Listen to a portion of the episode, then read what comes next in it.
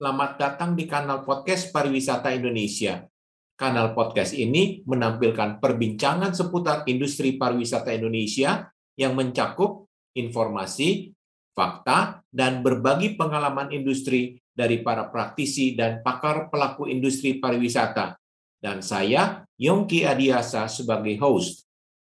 Di bulan Desember tahun lalu, Bincang Pariwisata Indonesia menampilkan Jogja pada bincang kali ini, untuk melengkapi keragaman wisata, kami menampilkan aneka kegiatan wisata bersepeda di daerah istimewa Yogyakarta.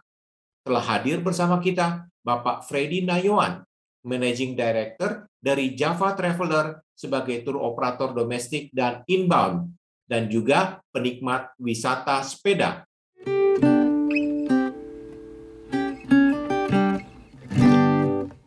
Selamat pagi Bapak Freddy Nayawan. Apa kabar Pak? Selamat tahun baru. Mudah-mudahan tahun 2022 ini akan terjadi kejutan yang positif untuk pariwisata Indonesia, tentunya untuk inbound tours. Silakan Pak Freddy menyapa teman-teman kita. Selamat pagi Pak Yongki, selamat pagi sahabat Intoa. Selamat tahun baru, salam sehat, Salam sejahtera bagi kita semua. Salam pariwisata unggul, salam Indonesia maju, penuh semangat. Semoga di tahun yang baru ini pariwisata Indonesia kita harapkan bangkit kembali bukan hanya di sektor wisatawan Nusantara tapi juga wisatawan mancanegara. Baik, selamat pagi. Terima kasih. Salam semangatnya dari Pak Freddy. Dalam keadaan aturan karantina, masih menjerat para pelaku perjalanan ke luar negeri dan para wisatawan dari luar negeri, kegiatan outbound maupun inbound tour tetap tiarap.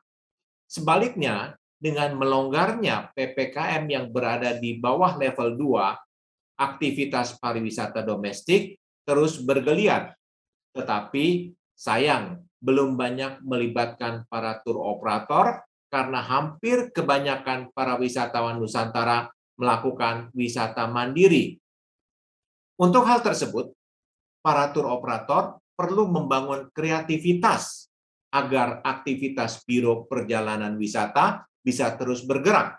Salah satunya yang dijalani oleh Java Traveler adalah wisata sepeda.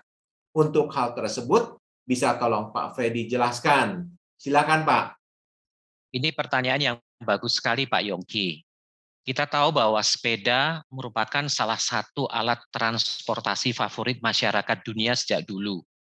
Selain masih banyak orang yang mengandalkan sepeda untuk aktivitas bekerja, untuk saat ini fungsi lain dari sepeda adalah olahraga dan gaya hidup, Pak.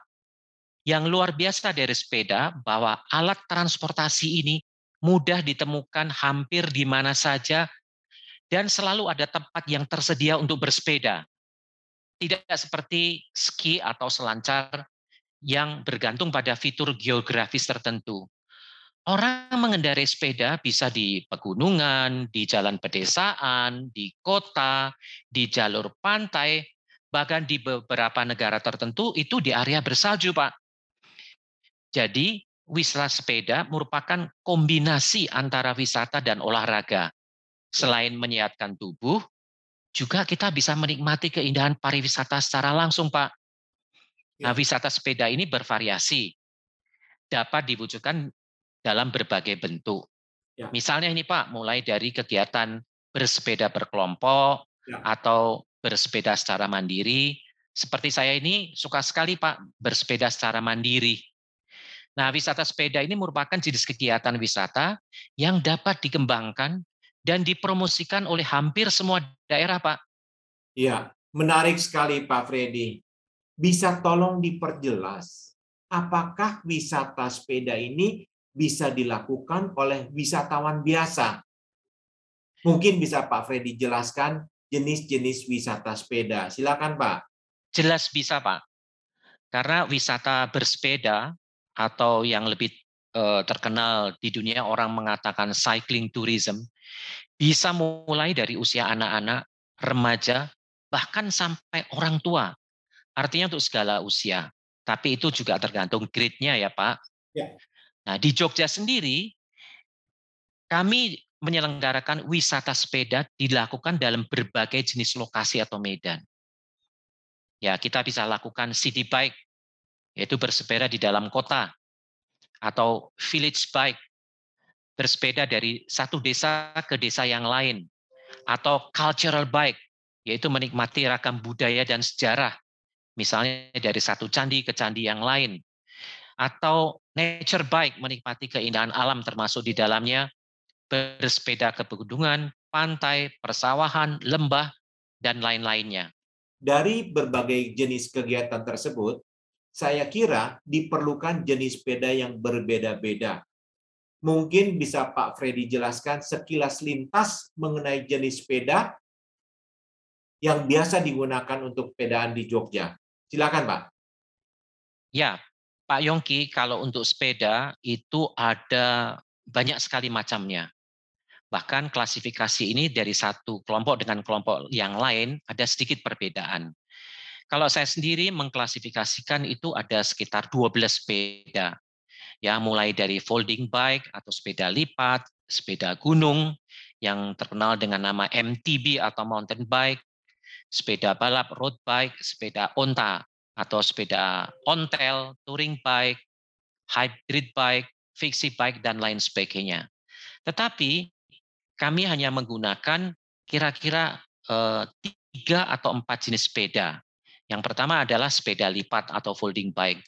Jadi karakteristik dari folding bike ini compact, ringan, dan fleksibel. Nah, tipe penggunanya itu adalah masyarakat kota dengan mobilitas tinggi. Nah, tempat penggunaan otomatis jalan perkotaan. Nah, sepeda lipat merupakan salah satu sepeda yang digemari oleh masyarakat perkotaan. Karena selain ukurannya yang ringkas, bisa dilipat, juga bobotnya ringan, dan dapat dibawa ke mana-mana, Pak. Saya sendiri juga mempergunakan salah satunya yaitu sepeda lipat.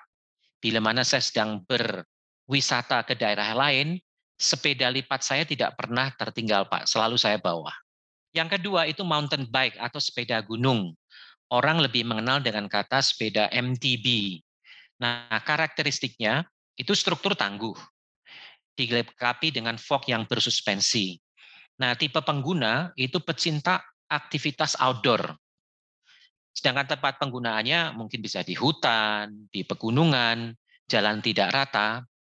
Dan sesuai dengan namanya, sepeda ini pada awalnya dirancang untuk menaklukkan medan pegunungan. Tapi sebenarnya sepeda ini tidak hanya digunakan di gunung saja, tapi juga bisa digunakan untuk medan off-road yang susah dilalui oleh sepeda biasa. Yang ketiga, Pak, itu road bike atau sepeda balap. Ya, nah ini sepeda ini mempunyai karakteristik uh, strukturnya tangguh, pasti ringan, Pak. Dan kemudian stangnya itu melengkung ke bawah. Kemudian dia dilengkapi dengan fitur percepatan. Nah, tipe penggunanya itu untuk jalan yang jarak jauh, Pak. Dan juga otomatis tempat penggunaannya di jalan beraspal. Nah, sepeda balap ini dirancang sedemikian rupa untuk mampu meraih kecepatan tinggi di jalan beraspal. Nah, road bike ini biasanya memiliki bingkai dan roda yang ringan tapi kokoh, serta dilengkapi dengan fitur lainnya, Pak. Misalnya fitur percepatan. Nah, kita tahu bahwa orang menggunakan road bike ini untuk sport tourism, Salah satunya yang terkenal di dunia yaitu Tour de France yang sudah berlangsung lebih dari 100 tahun. Ya. Sedangkan yang keempat, Pak, nah ini kami kembangkan di Jogja, yaitu e, berwisata dengan sepeda ontel. Ya, orang mengatakan juga sepeda kerbau atau sepeda ota karena karakteristiknya dia desainnya kuno, kemudian boncengan ada di belakang, kemudian spakbornya itu sangat khas sekali, kemudian dia agak tinggi begini Pak. Nah biasanya ini orang-orang mengkoleksi sepeda ini.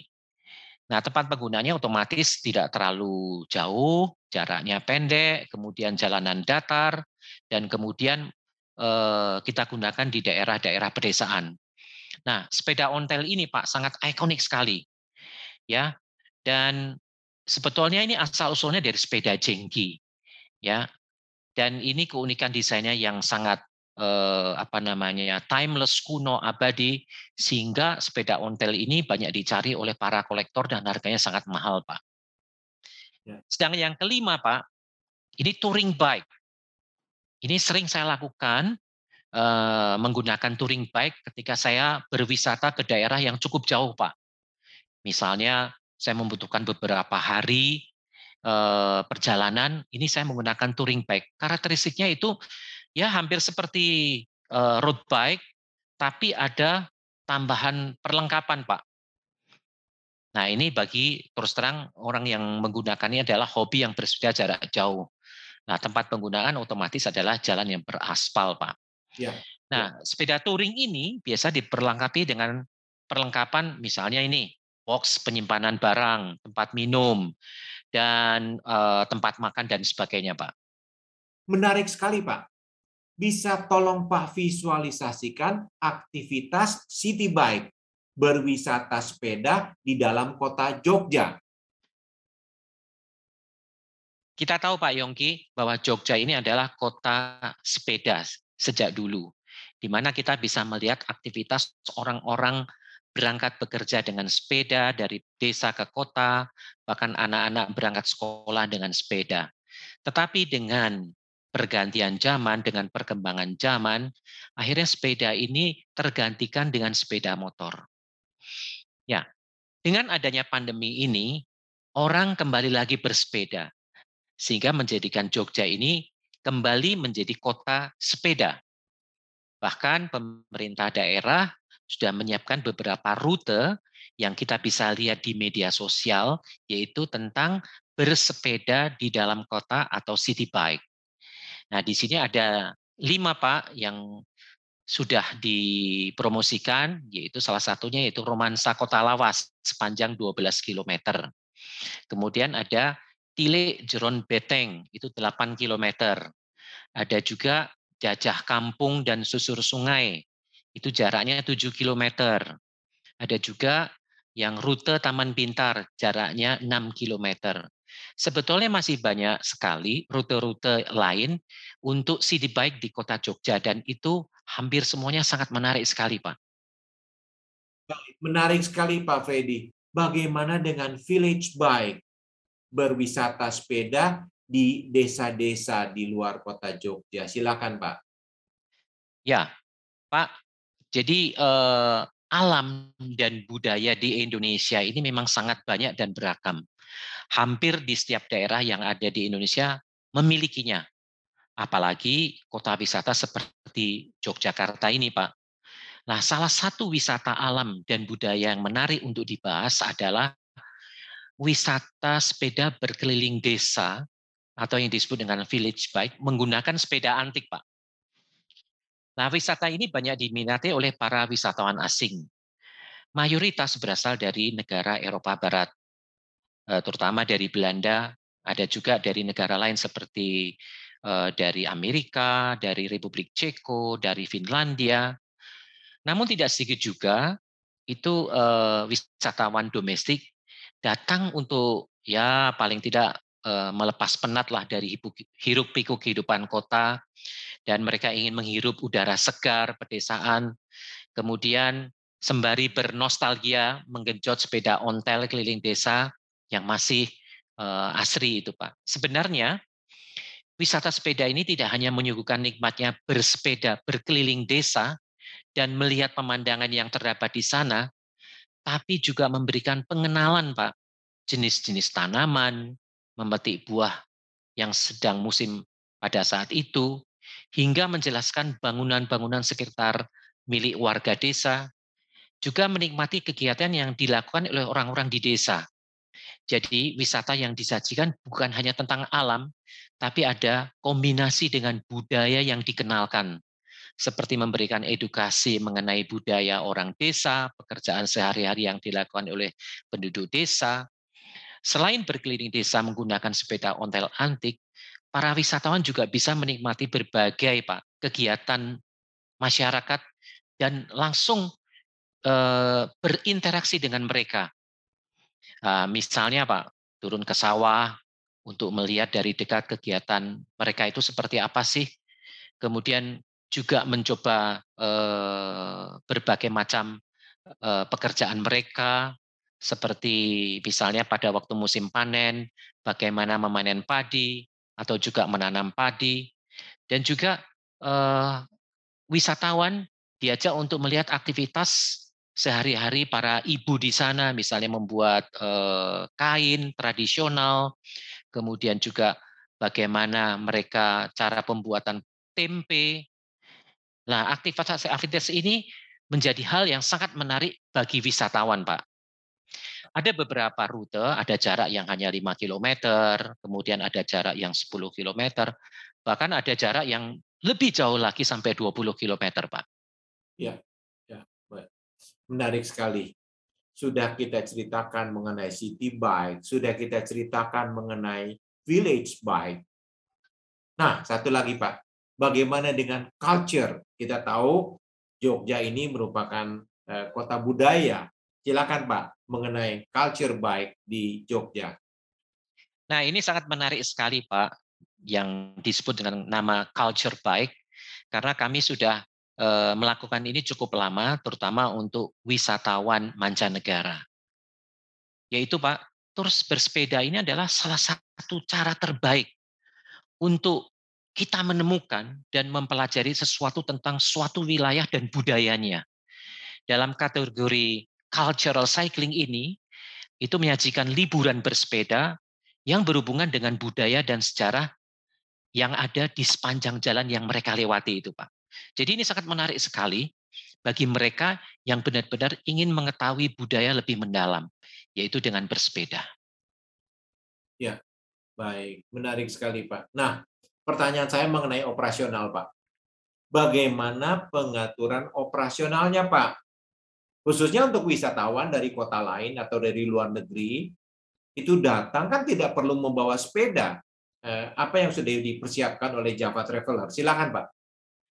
Itu sangat mudah sekali Pak Yongki, karena kami sudah menyediakan sepeda, yaitu sepeda seli atau sepeda MTB, sepeda gunung, sesuai dengan request mereka. Kecuali road bike, Pak. Biasanya para road bikers itu membawa sepedanya sendiri-sendiri.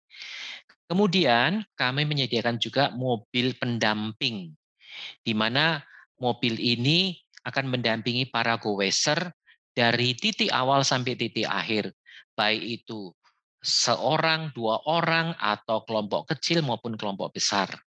Dan para goeser ini akan ditemani oleh marshal atau captain, di mana tugasnya dia selain mendampingi juga sebagai petunjuk jalan selama dia goes. Kemudian yang terakhir Pak, pasti ada perlengkapan tambahan, aqua, makanan kecil, dan lain sebagainya Pak. Baik, Pak Freddy. Bagaimana pandangan Pak Freddy sebagai pelaku pesepeda, sebagai goeser, yang juga pelaku pariwisata? Masa depan wisata sepeda, baik di kota Jogja maupun di kota-kota lain di Indonesia, untuk pariwisata. Silakan, Pak. Kalau saya melihat tren dan perubahan di atas, Pak, maka pilihan yang cukup menarik bagi pengelola destinasi di daerah adalah mengembangkan sport tourism, terutama yaitu cycling tourism. Selain karena potensi pasar yang mendukung, wisata sepeda juga tidak memerlukan anggaran yang besar dalam pengembangannya. Cukup memanfaatkan aset dan potensi daerah yang ada. Nah, wisata sepeda juga dianggap sebagai jenis wisata yang mendukung penerapan pariwisata berkelanjutan atau sustainability tourism di mana terdiri dari beberapa pilar yaitu sosial ekonomi, budaya, dan juga lingkungan. Nah ini Pak, saya sering mengamati rata-rata para goweser ini eh, lebih memilih nongkrong atau sekedar mencari sarapan di kaki lima atau UMKM. Biasanya ada jajan pasar yang murah meriah. Nah, terkadang goweser yang mempunyai sepeda mahal pun juga menggerakkan ekonomi yang berbasis UMKM eh, dan masyarakat sekitarnya. Dari sisi lingkungan, sepeda itu tidak mengeluarkan emisi dan dampak terhadap lingkungan sangat minim. Yaitu dengan catatan Pak, asal para goeser tidak membuang sampah sembarangan. Jadi, harus disusun perencanaan yang sifatnya lebih taktis, seperti penentuan rute sepeda, kemudian infrastruktur dasar, kemudian juga pemasaran melalui brosur, website, peta, atau panduan, juga ada event internasional atau nasional, serta pelatihan terkait wisata sepeda. Yang tidak kalah penting, Pak, yaitu menyesuaikan karakter destinasi dengan segmen pesepeda. Pak Freddy, terima kasih informasinya, pencerahannya mengenai wisata sepeda. Waktu jua yang membatasi pertemuan kita. Mudah-mudahan pertemuan ini akan bermanfaat bagi industri pariwisata. Saya Yongki Adiasa pamit undur diri. Salam pariwisata. Terima kasih Pak, salam pariwisata. Para pendengar dan pemirsa, Demikian obrolan mengenai wisata sepeda di daerah istimewa Yogyakarta bersama Bapak Freddy Nayawan, Managing Director dari Java Traveler. Silakan memberikan tanggapan atau komentar dan beri tanda like, share, serta subscribe. Terima kasih.